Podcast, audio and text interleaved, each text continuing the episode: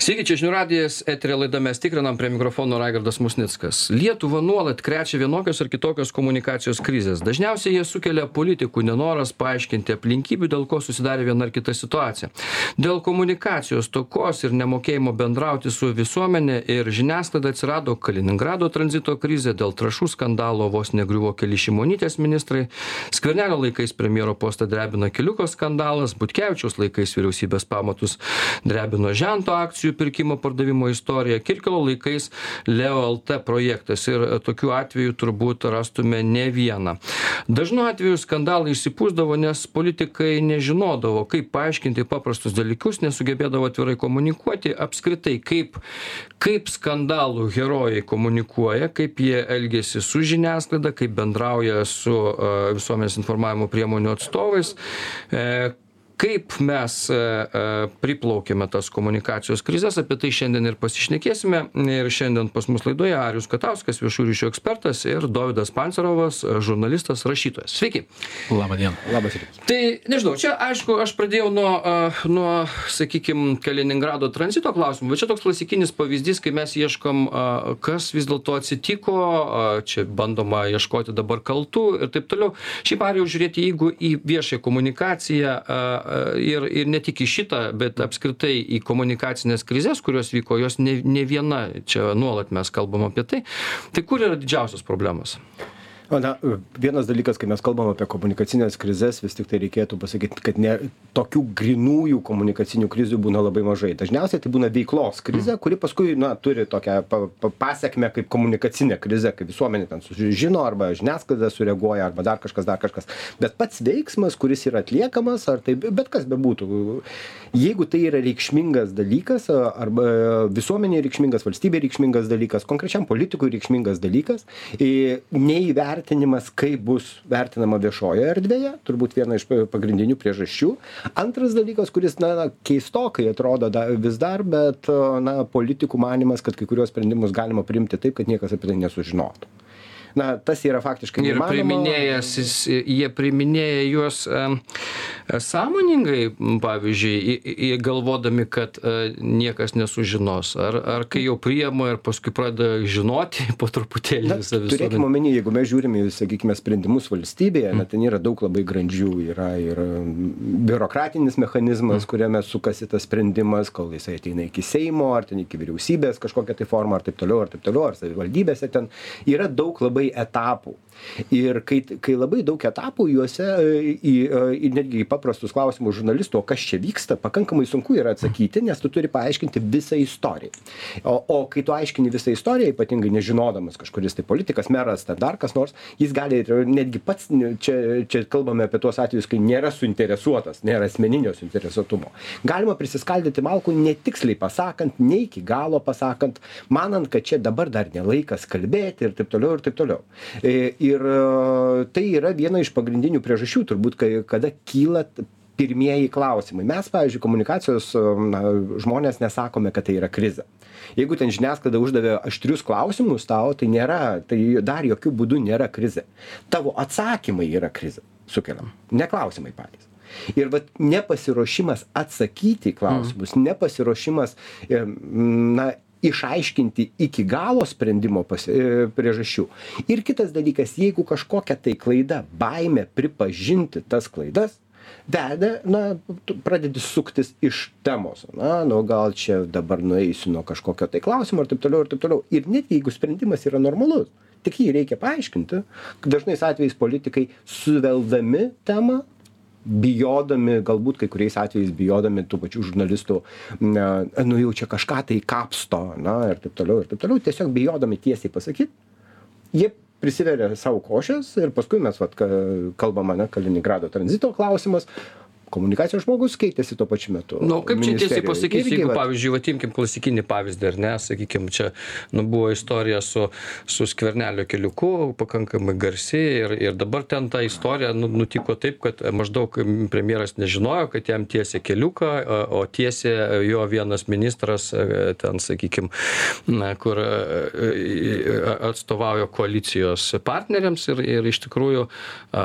tiesiog dabar kaip reikėtų atsakyt nu ten ministras pasiūlė nutiest keliuką. Nu aš kažkaip ten ausim pra prakarpiau ir ir ir maždaug su sutikau arba neišgirdau nu va maždaug taip atsakymas turėtų skambėt ar ne dovydai jeigu Ne, aš nežinau, kaip atsakymas turėtų politikui skambėti. Aš tiesiog, be- beje, pritardamas Arijai norėčiau pasakyti irgi, kad turbūt didžioji dalis tų krizių vienaip ar kitaip tai nulėmė veiksmas, kažkoks pagrindas yra nu, politinis ar biurokratinis pagrindas ir paskui nemokėjimas to mm, paaiškinti, jis, jisai ir sukelia tas krizės.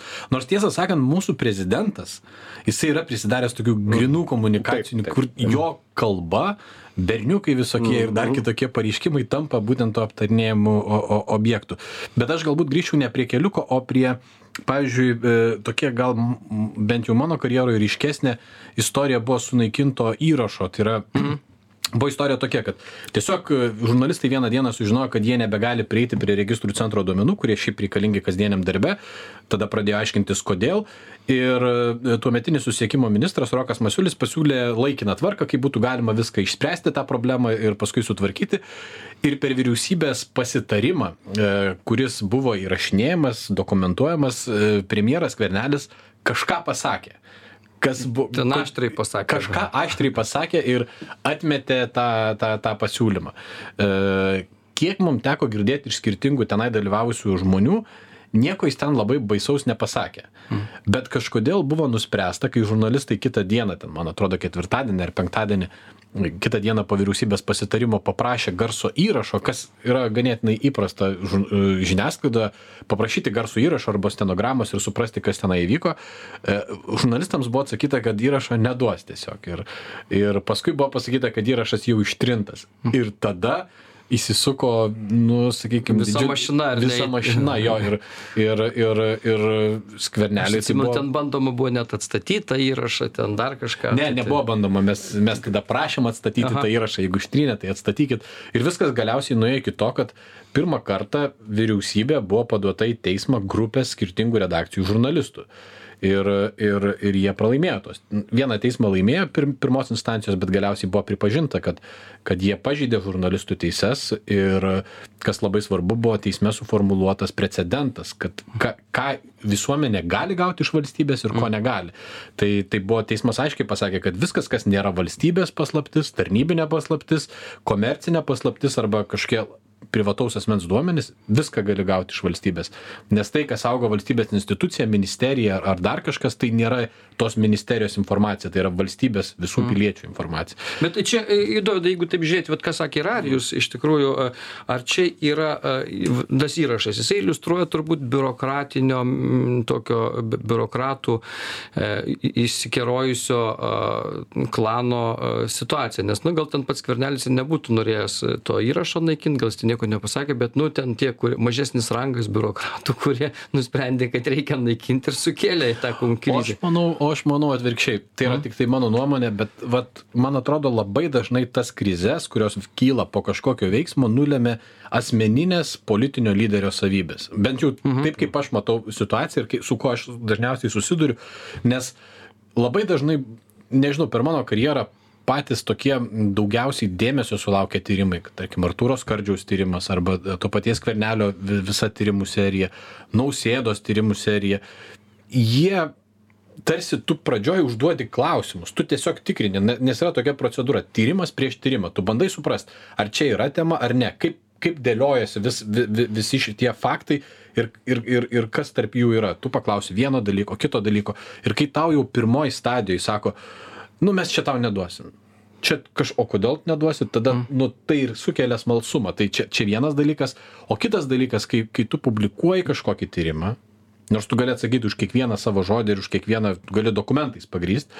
Ir tada politikai reaguoja ne, pavyzdžiui, visiškai nereaguodami ar dar kažkaip, bet labai dažnai asmenin, kažkokios įžeistos asmeninės ambicijos Nu, žmogaus, atsimenu, kuris kaip skardžius reagavo į tavo tyrimą. Jo, jie pradeda šaukti, aš prisimenu, e, vienas didžiausių šokų ir kai skvernelis pirmą kartą tapo tokiu, m, pas, parodė visai kitokį veidą žiniasklaidai, nes jisai, jeigu dabar sunku tai prisiminti, bet pačioj pradžioje jis buvo toksai ganėtinai mėgstamas žurnalistų, nes jis charizmatiškas, mokėdavo, turėdavo greitą reakciją, galėdavo greitai atsakyti, bet po mūsų pirmojo tyrimo apie, apie ten energetinius sandorius, jisai kitą dieną išėjęs į Seimo tribūną pradėjo šaukti, kad čia konservatorių žiniasklaidos priemonė. Nu, ir tada tu supranti, kad ne viskas okei čia yra kad kad žmogus jau nebesitvardo akivaizdu nebeklauso savo komunikacijos žmonių ir jisai jau pats priiminėja tokius emocinius impulsyvius sprendimus ir tai dažniausiai ir ir įsuka malūną Tai- Taip, čia yra vienas konkretus pavyzdys apie vieną buvusį premjerą, kai na, aš neminėsiu pavardės, bet komunikacijos žmonės jie, jie pasakojo, kad iš tiesų suderinama po, po, po posėdžio vykstantis spaudos konferencija, suderinama apie ką bus kalbama. Ir premjeras jau jam pasakyta, kad tu pasakai labą dieną, tai atsakymai tokie, tokie, tokie, o daugiau klausimų pasakys atstovas spaudai. Premjeras išeina pasako tai ką reikia pasakyt eina atstovas spaudai kalbėti premjeras patraukia atstovą spaudai ir pats pradeda atsakinėti klausimus iš to mes ten gavom labai čia tai tai buvo susiję su e, darbo kodekso svarstymais prieš keletą metų jūs turbūt pamenat kada kada premjeras butkevičius stiprokai pasikalbėjo. Ir šitoje vietoje na e, realiai politikų pačių a, asmeninis reagavimas jisai turi būti nu tu tu turi būti atrodyti žmogiškas ir taip toliau nu galų gale kad ir kokiais tu ka kad ir koks tu šaltas esi. Bet aš manau kad kovido visa situacija pandeminė dabar karo visa situacija nu jeigu mūsų politikam neparodys kad na yra specialistai kurių reikia klausyti ir kai kuriose vietose net jeigu ir tau dega ten noras pasisakyti kaip tu nori pasisakyti tu gi gatvėj neapšauki žmogaus neišvadini neišdedi į šuns dienas. Tai gal ir susilaikyk spaudos konferencijoj arba bendraudamas su žurnalistais taip kalbėdamas tai bet aš manau kad na tas turi turėtų keistis nes politikai turi suprast senoji karta politikų beje turbūt tai suprasdavo kur kas geriau ir čia tie tos sakmės apie tai kad kai išsijungia kameros konservatoriai su socdemais apsikabina ir eina gerti kavos į seimo salę jos nu jos nėra sakmės Ne, ne, tai čia teisybė mūsų yra, taip. atvejis yra mūsų dabar turbūt Bet anksčiau, aštrumas. anksčiau jie iš tikrųjų reaguodavo kitaip. Jie reaguodavo labai įdomiai. Anksčiau a, m, politikai, jeigu kažkas būdavo kokios nors korupcijos momentų išlyzdavo, tai patraukdavo pareigūnai iš karto. Patraukdavo ar ten Brazausko laikais, sakykime, ar, ar dar kažką. Tiesą sakant, jį nuo akių patraukdavo, jisai nebūdavo kurį laiką, ten niekas nesiginčydavo ilgai, čia reikia išlaikyti, jeigu tai tai- būtų ministras ar ne ministras, jį patraukdavo ir ten kur nors paskui jis išplaukdavo po kurio laiko kitoje vietoje, kitose pareigose, viskas ten tai schemos veikdavo, bet klasikinė tai yra klasikinė krizių valdymo schema kada nes visą laiką konkreti krizė arba bet kokia bet kokia problema turi savo pavardę. Taip. Ir a, seniau taip ir būdavo tam kad baigti problemą arba Nėr žmogaus, nunulinti nėr bylos, klasikinis variantas, ar Patra, ne? patraukti taip. Ir atsiminkime prieš tai buvusio na premjero ir visą reikalą švietimo ir mokslo ministerijoje su piketuojančiais užėmusiais e, ministeriją pedagogais ane lygiai tą patį padarė. Galų gale išlaikydami krizėje m, vyriausybė faktiškai mėnesį laiko galų gale suderino kas patraukė ministrą pastatom kitą ministrą ministras sako Viskas "Duok- nusiramino." duokit, duokit man mėnesį išsiaiškint nes aš dar nieko nežinau ir nunulina situaciją Atėjo Masiulis, pasišnekėjo visi. O, o, o dabar, dabar kažkodėl tai man kartais atrodo, kad dabar politikai yra labiau įsikabinę tos vietos, a, kai kuriuose vietose pasitraukti būtų kur kas logiškiau. Jie neteisingai galvoja, kad išpūsta krūtinė ir čia stovėjimas už visus krūtinė duoda kažkokius dividendus. Na, Anaip tol dabar jau Šiaip iš, iš kitos pusės yra tame logikos. Žmonės neatsimena. Praėjus pusiai metų, jeigu konkurentas politiko neprimin, neprimins nuolat va tos problemos, žmonės užsim, užmirš. Jeigu ke, apie keliuką dažnai nešnekėtų tie patys kiti politikai, ta pati žiniasklaida, po pusės metų, ko gero, žmonės nebeatsimintų, atsimintų, kad žiūrėkit, ką jisai padarė. Gerai, trumpą pertrauką padarom, po pertraukos pratesim.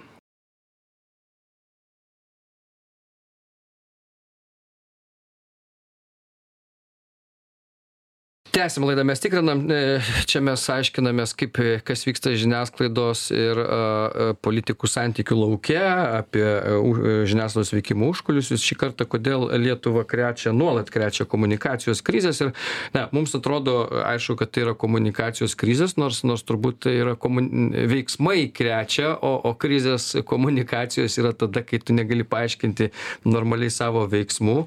Kartais juos turbūt būna ir sunku paaiškinti dėl to kad e, dėl to kad jeigu nu jeigu bandai ką nors reiškia pavogti tai tai tai aiškinimas kad bandžiau kažką pavogti turbūt nelabai išgelbėtų nuo komunikacijos krizės.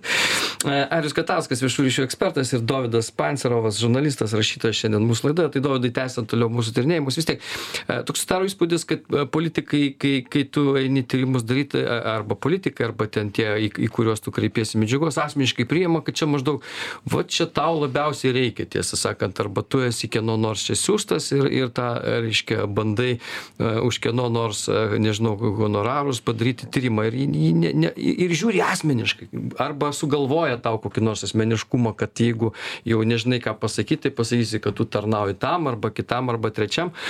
Tokio visuomeninio intereso dažniausiai jie nesupranta kad kad nu mažiausiai čia mums reikia o visuomenei yra svarbu mūsų valstybei yra labai svarbu kad nu e, kad tie pinigai kad tie dalykai kuriuos daro kad jie būtų nu kuo skaidriau atliekami visi visos funkcijos. Bet bet reagažas būna toks reiškia kaip į priešą ar ne Jo, čia geras pastebėjimas. Iš tikrųjų, turbūt labai didelė dalis politikų, kurie atsiduria vieno ar kito tyrimo centre, čia kalbu ne tik apie mūsų tyrimus, apie LRT tyrimus ir, ir mm. buvo ir kitokių istorijų, jie vis tiek tai priema asmeniškai, kad uh, tu nusitaikiai kaip asmuo į kitą asmenį ir tu maždaug esi, nu, vat, jie nedaro skirtumo tarp užkabinimo gatvėj žmogaus ir ir ir ir ir žurnalistinio tyrimo ar bandymo išsiaiškint kažkokius politikos užkulisius. Tai tai ta problema egzistuoja. Ir jeigu jie taip nežiūrėtų turbūt ar ne į tave vat kaip į asmeniškai kaip į priešą tai tada kit kitaip gal elgtųsi ir kitaip atrodytų veiksmas visas.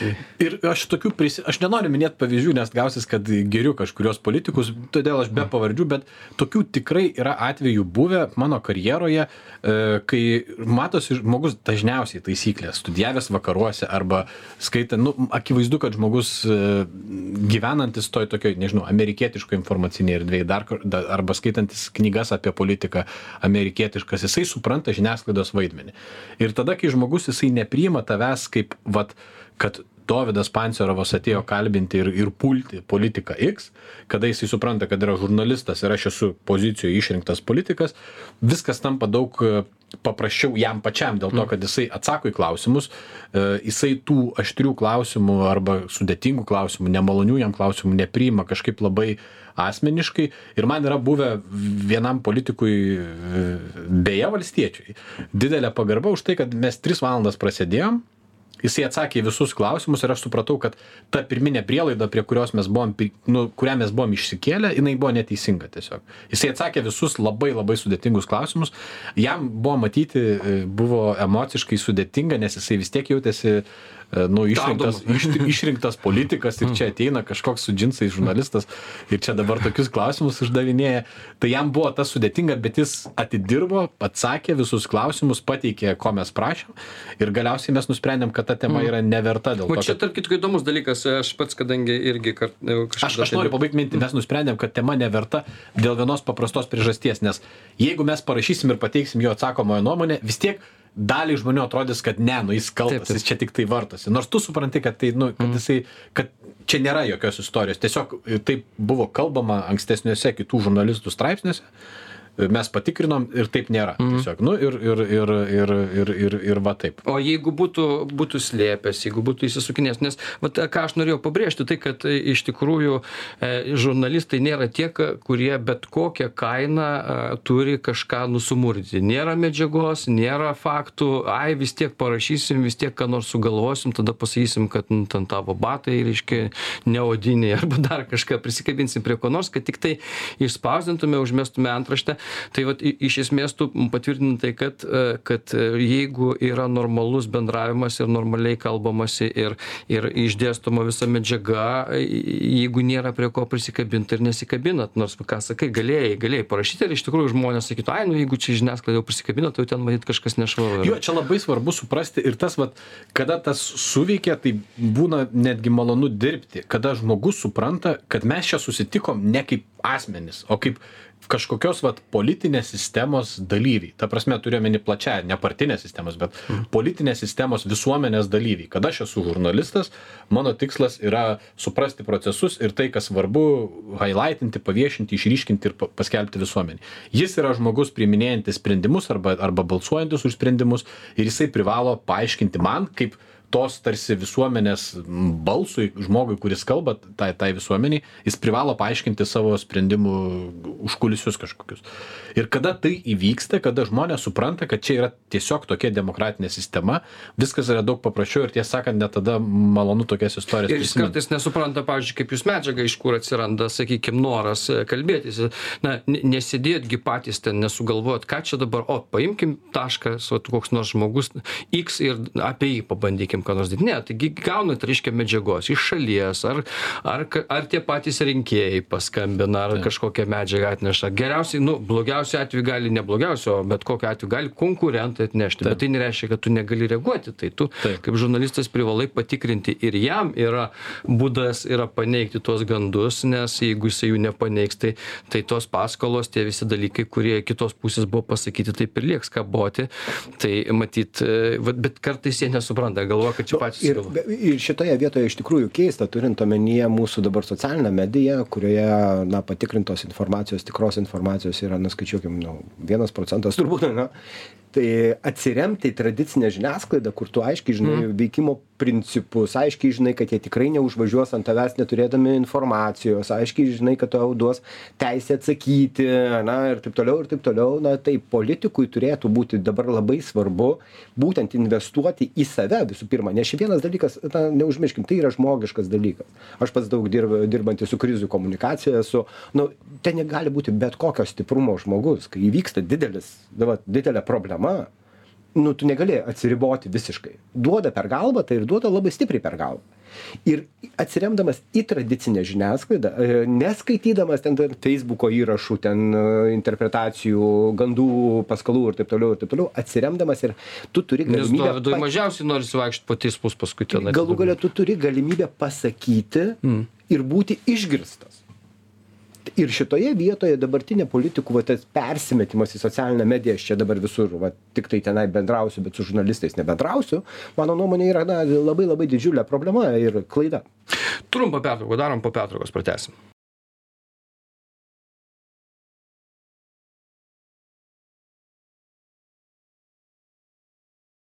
tęsiam laidą me- mes tikrinam apie žiniasklaidos užkulisius. Čia aiškinamės kodėl e, lietuvą nuolat krečia komunikacijos krizės kiek iš tikrųjų yra tos komunikacijos krizės pačių politikų nesugebėjimo a, suprasti žiniasklaidos vaidmenį pasekmė kiek iš tikrųjų yra pačių faktų a, pasekmė tai kartais faktai gal būna ne tokie reikšmingi kaip politikų elgesys aplink juos ir ir kartais jie išpučia daugiau negu kad ten būtų ko nors buvę ir apie tai mes kalbamės.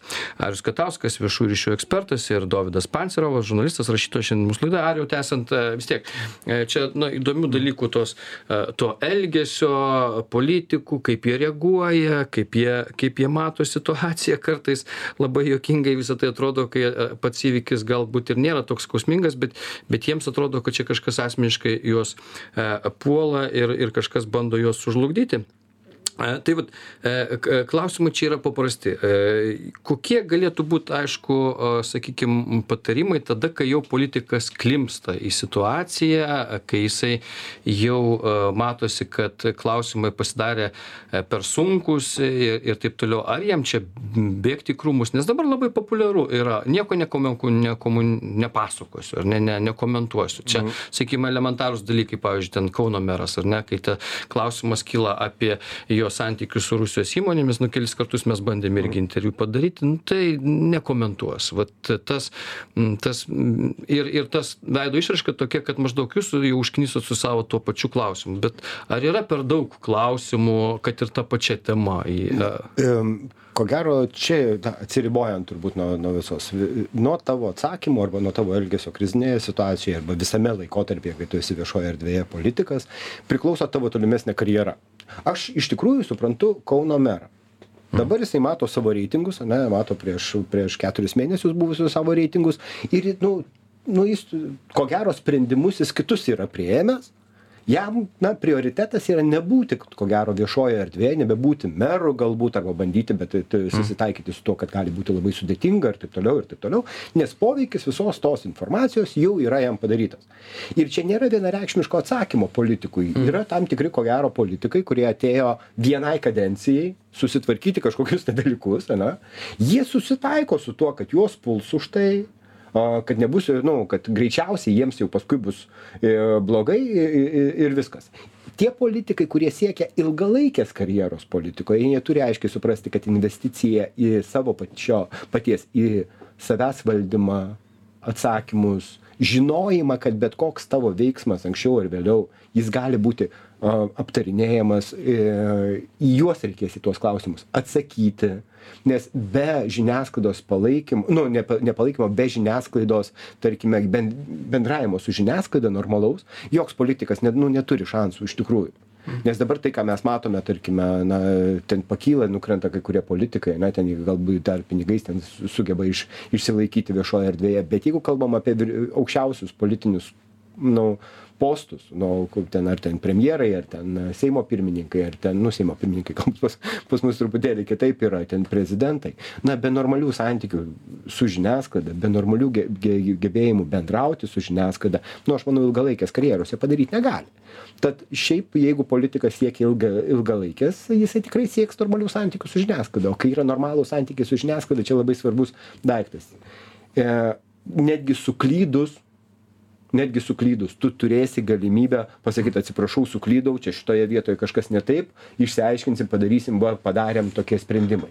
Duos tau na tam tikrą reputacinę pagalvę bet jeigu iš karto eina į puolimą jeigu iš karto eina į neigimą ir panašius dalykus viskas tam tikras na jam labai Čia svarbus dalykas yra, aišku, tie ilgalaikiai, nes tu matai, e, matai, kokios būna kartais e, e, žmonių elgesio formos, bet, bet ką pats Ariau sakai, iš tikrųjų, jeigu ilgalaikiai perspektyvoje, net jeigu tu galvoji, ai, atsibodo man čia premjerauti, vis tiek paskui po kurio laiko, aš kiek matau politikų, mm. kurie grįžta po kurio laiko į politiką, tarsi sakė, ai, daugiau čia niekada, bet grįžta. Ir vat, jie tuo momentu galvoja, kad nieko čia tokio, paskandalinsiu, spjausiu į žiniasklaidą. Bet kita dalis, kas man įdomi, Dovydai, yra tai, kad iš tikrųjų dar ir aš, kai dar buvau labai jaunas žurnalistas ir dariau ten, sakykime, kai kurios tyriamosios žurnalistikos e, momentus, tai e, tu padarai reportažą, kaip sakiau, tada dar nukryzdavo galvas, bet tu matydavai, kad vėl tie žmonės išnerė kitose pareigose, kitam statuse ir jie toliau darbuojasi kaip niekur nieko. O tas nėra tau kartais tas bejėgiškumo jau jausmas, kai, kai sakykim, tu rašai, parašot knygas didžiausias apie ten premjero kabinetą, dar kažką, tai visą kitą. Nesvarbu apie ką, čia ne, ne, nebūtinai apie asmenybės kokias nors imkim dabar konkrečias, bet, bet šiaip po kurio laiko liktai vat, vyko skandalas toks, anoks, trečias galingas, o, o šiaip iš tikrųjų tas poveikis buvo, būna toks, kad po vienos kitos kadencijos vėl vis viską užmiršta, vėl renka tos pačius politikus, kartais net dar geriau negu anksčiau rinko ir taip toliau. Čia nėra tokio, kad mes jaučiamės tarsi, nu, vat, kažkaip šaudom į debesis. Nors faktai. Ne. Ne, čia turbūt priklauso nuo tavo požiūrį, tai ką tu darai. Mm. Jeigu kalbant apie konkrečiai mane, arba turbūt galėčiau kalbėti ir už Birutę Davidonytę, su kuria dirbam, mum patinka pats procesas, pats tyrimo procesas. Mm. Tu negalvoji, tu nekeli savo tikslo, kad e, vienas ar kitas politikas e, po tavo tyrimo būtų atsistatydintų ar pasitrauktų ar, ar kažkaip, nežinau, ten būtų apkalta jam padaryta. Tai, tai nėra tavo tikslas, tu niekada negalvoji apie tai, kad e, kažkieno galva yra m, mm, tavo gero darbo rezultato įvertinimas.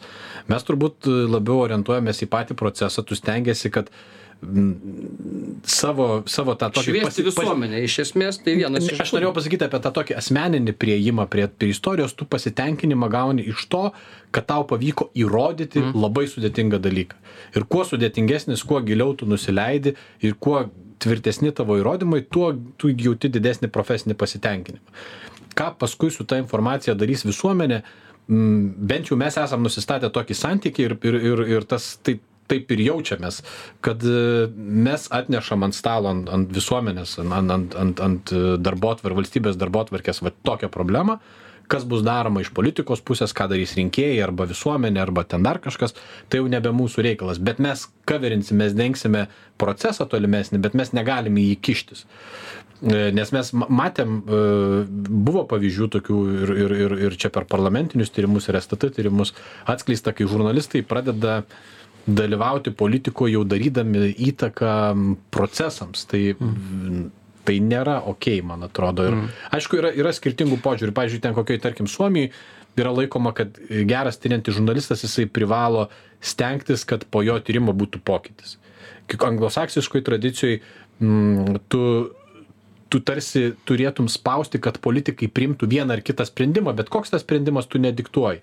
Tai pas mus gal čia turbūt yra truputį posovietinės erdvės tokia, nežinau, ar problema, specifika gal labiau, posovietinės erdvės specifika, kad yra labai bijoma, mm, nu, vat, negalvojama apie tai, kad tu turėtų tavo, kažkaip tu turėtum daryti įtaką savo tyrimo rezultatui kažkokiam. E, Bet kas tas yra rezultatas klausimas, jisai gali būti platesnio masto. Nu, pavyzdžiui, vis tiek skaitant ant e, paties knygą ar ten, sakykime, prisimenant vienus ar kitus tyrimus ar skandalus, kurie vyko, buvo iškelti, nu, tikėtina, kad, e, nu, pas mus kaip toj pasako, jeigu ne, ne, ne šūniai kepurė, tai adata iš šieno kupeta, bet kitaip vis tiek vyks viskas. Jau, jau sakykime, keliuko istorijoje, bet kuris politikas, kuris, sakykime, norės ten ar nusitiesti kažkaip keliuką, ar kokį nors kitą skandalą, kurie buvo anksčiau, e, na, irgi ryškus, jau prisimins tas istorijas, jau panašiai nesielgs, sakys, nu, į- arba ten pinigų, nežinau, kiek į, į dėžę vėl nuo, nuo alkoholio dės žmonių, turbūt jau bus pakankamai apsišvietę, kad vis dėlto taip ne, ne, nepraeina tokie dalykai. Tai švietimo misija, jinai vis tiek yra svarbi, nebūtinai ten rezultatas, kad nukirtai galvą ir ten būtinai ministras atsistatydino ir ten jį pasodino į kalėjimą po tavo tyrimo. Aišku, na, čia galbūt tas jau labiausiai e, medalis už žurnalistiką iliustruojantis, bet pats visuomenės švietimas, procesų suvokimas visuomenė, kai tu ir per kitus rinkimus vėl uždavinėja tie klausimai, sakykime, rinkimų kampanijos, nu, tai kaip jūs vėl, ko, ko, ką tiesit ar ko netiesit, tas atminti lieka labai svarbu ir tobulėjimui valstybės turi įtaką. Ne, tai be, bet kuriuo atveju žiniasklaida yra na, stebintis procesą, apšviečiantis šviesomis ten, kur kažkas taip tamsu, na, nesimato ir taip toliau ir taip toliau. Politikam, ko gero, suprasti tai, kad na, ne tik ką aš darysiu, bet kaip tai paaiškinsiu visuomeniai arba tai pačiai žiniasklaidai. Žiniasklaida dažnai yra tik tarpininkas, vad būtent surenka, apdorojantis, pateikiantis um, ir imkite ir priminėkite sprendimus, gerbiami rinkėjai ar ten atsakingos institucijos ir taip toliau ir taip toliau. Tai jeigu tu darai veiksmus, tu vertini, kaip tu tai paaiškinsi. Nu, čia mes gi įpratę taip turbūt, na, ir šeimoje taip elgiamės, na, jeigu kažkaip tai darai, tai galvoji, kaip paaiškinsi. Politikai tą šiek tiek užmiršta. E, Šitoje vietoje vienas dalykas, antras dalykas turbūt vėlgi, aš noriu grįžti prie tos savo pradinės minties. Na, dabar, dabartinėje informacinėje erdvėje, kai mes turime dešimtimis kartų daugiau informacijos negu ten prieš 15-20 metų. Na, tas triukšmas, kada žmogus nebeturi laiko skirti, nu, nebeturi galimybę skirti tiek laiko. Jie, nu, tradicinė žiniasklaida atlieka pačią svarbiausią, ko gero, funkciją. Niekada jinai tokios svarbios funkcijos, netlė, ne, tokios pareigos būti žiniasklaida neturėjo. Ir dabar vat, kiekvienas politikas, netgi, na, nu, pažiūrėkime, mes turime informacinius karus ne, su a, rytų valstybėm. Na, mesgi žinom, kad ten viešoje erdvėje per socialinę mediją, per viską yra paskelbiama daug dezinformacijos. Na. Ja gali su, galima su, sulaužyti gali gi ne ne pa pasižiūrėkim ką rusija daro su kai kuriais mūsų politikais viešojoj erdvėj ane yra ir puolimai ir taip toliau. Tu per tradicinę žiniasklaidą gali atmušti netgi ten kur tau krizė kilo nors nu jinai sukelta specialiai yra. Ten yra informacinė ataka prieš tave. Tik tradicinė žiniasklaida gali tokį dalyką e, atlikti. Joks feisbukas to dalyko nepadarys. Nu ne neįmanoma. Galų gale netgi toks paprastas paprastas dalykas. Feisbuke paieška normaliai nedirba bet gugle penkiolikos minučių delfi ar dar ką nors straipsnis liks visam laikui tu galėsi į tai atsiremti tai va čia aš manau kad čia svarbiausia dalis dabar politikam yra suvokt tradicinė žiniasklaida yra svarbiausias Trumpą pertrauką padarom, po pertraukos pradėsim.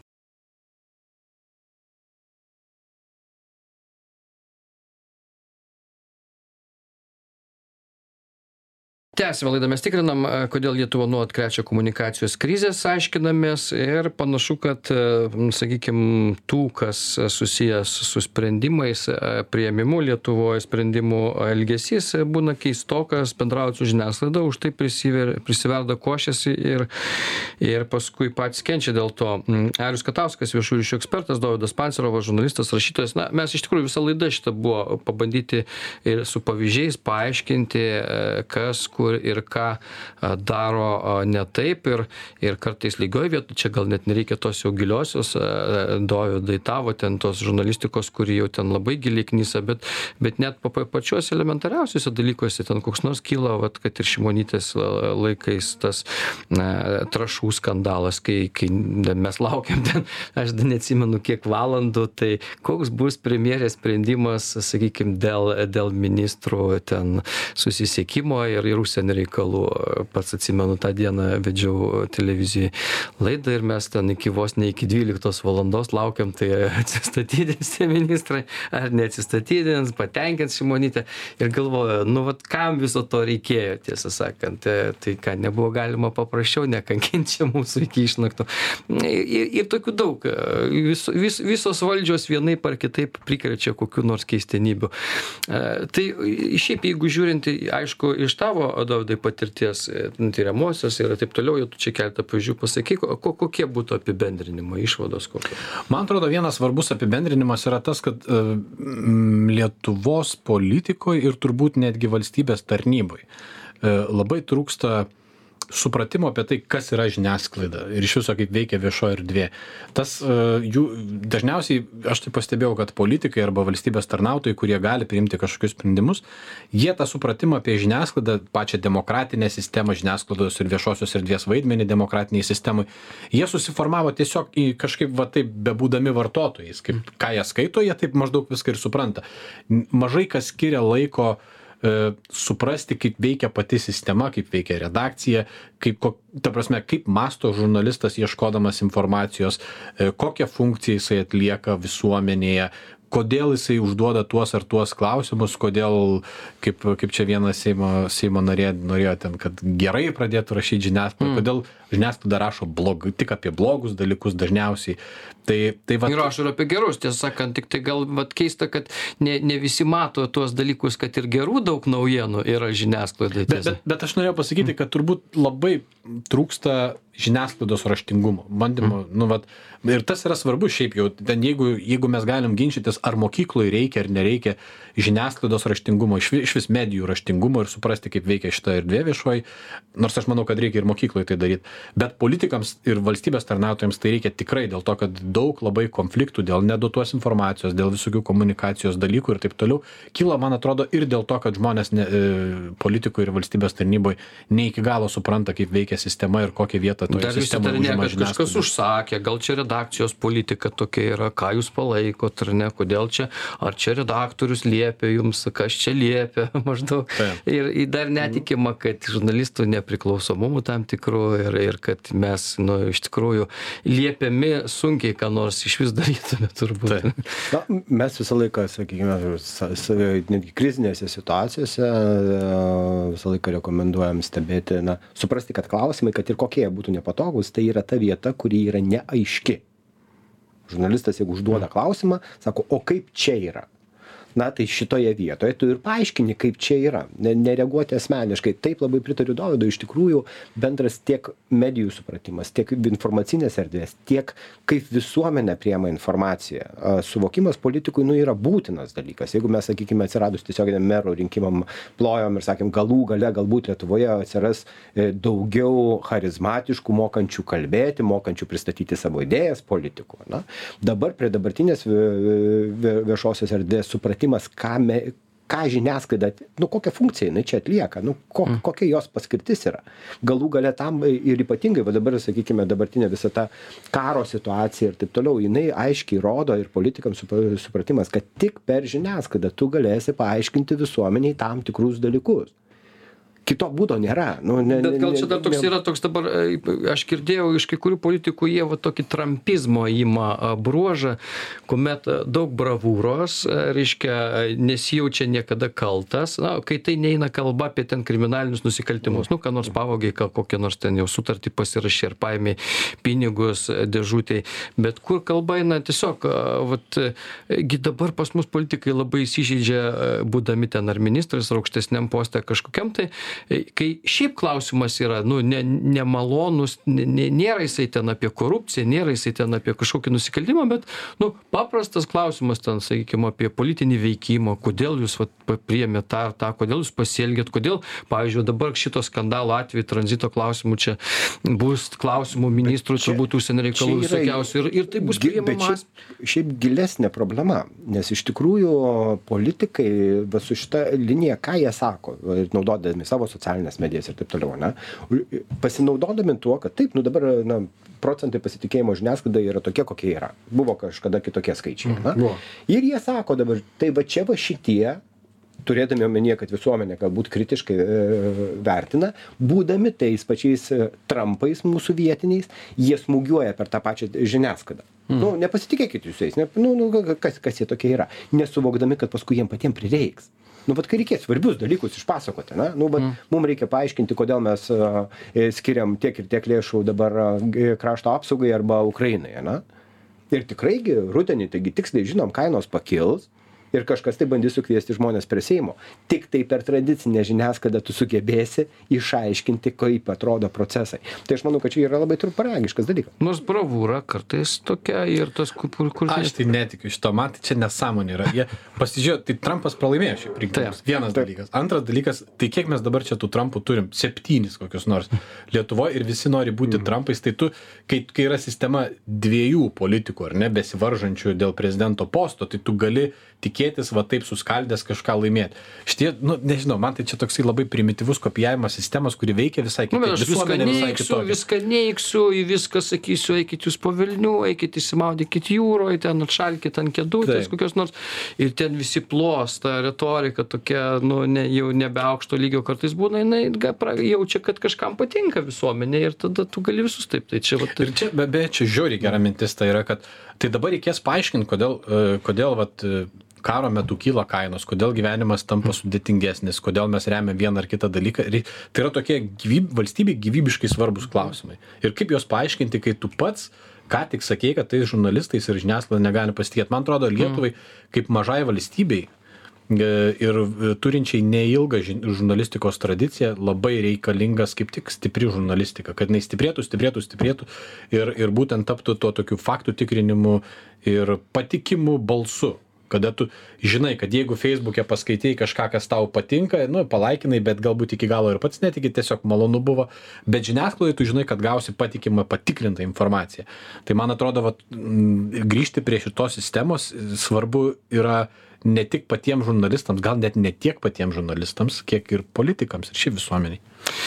Tikėkime, kad išgirs tai, ką jūs sakote, nes matyt daug dar ne, nesupratimo yra ir tai, kad tos komunikacijos krizės tęsiasi iki šios dienos praktiškai jos yra ir, ir, ir, ir matyt dar čia mes jų matysime ne vieną.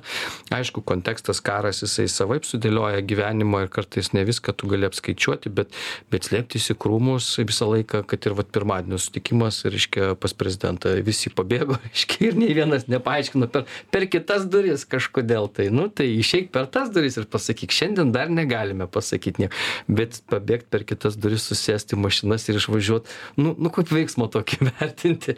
Tai vien tik tai tokie dalykai rodo, kad dar daug ko nepasimokyta. Yra, tikėkime, kad su laiku e, tos pamokos išeis į naudą. Tai tiek šiandien laidoje mes tikrinam. E, Dovydas Pancerovas, Arius Katauskas šiandien laidos pašneko. Ačiū visiems, kas klausėsi. Iki kitų kartų.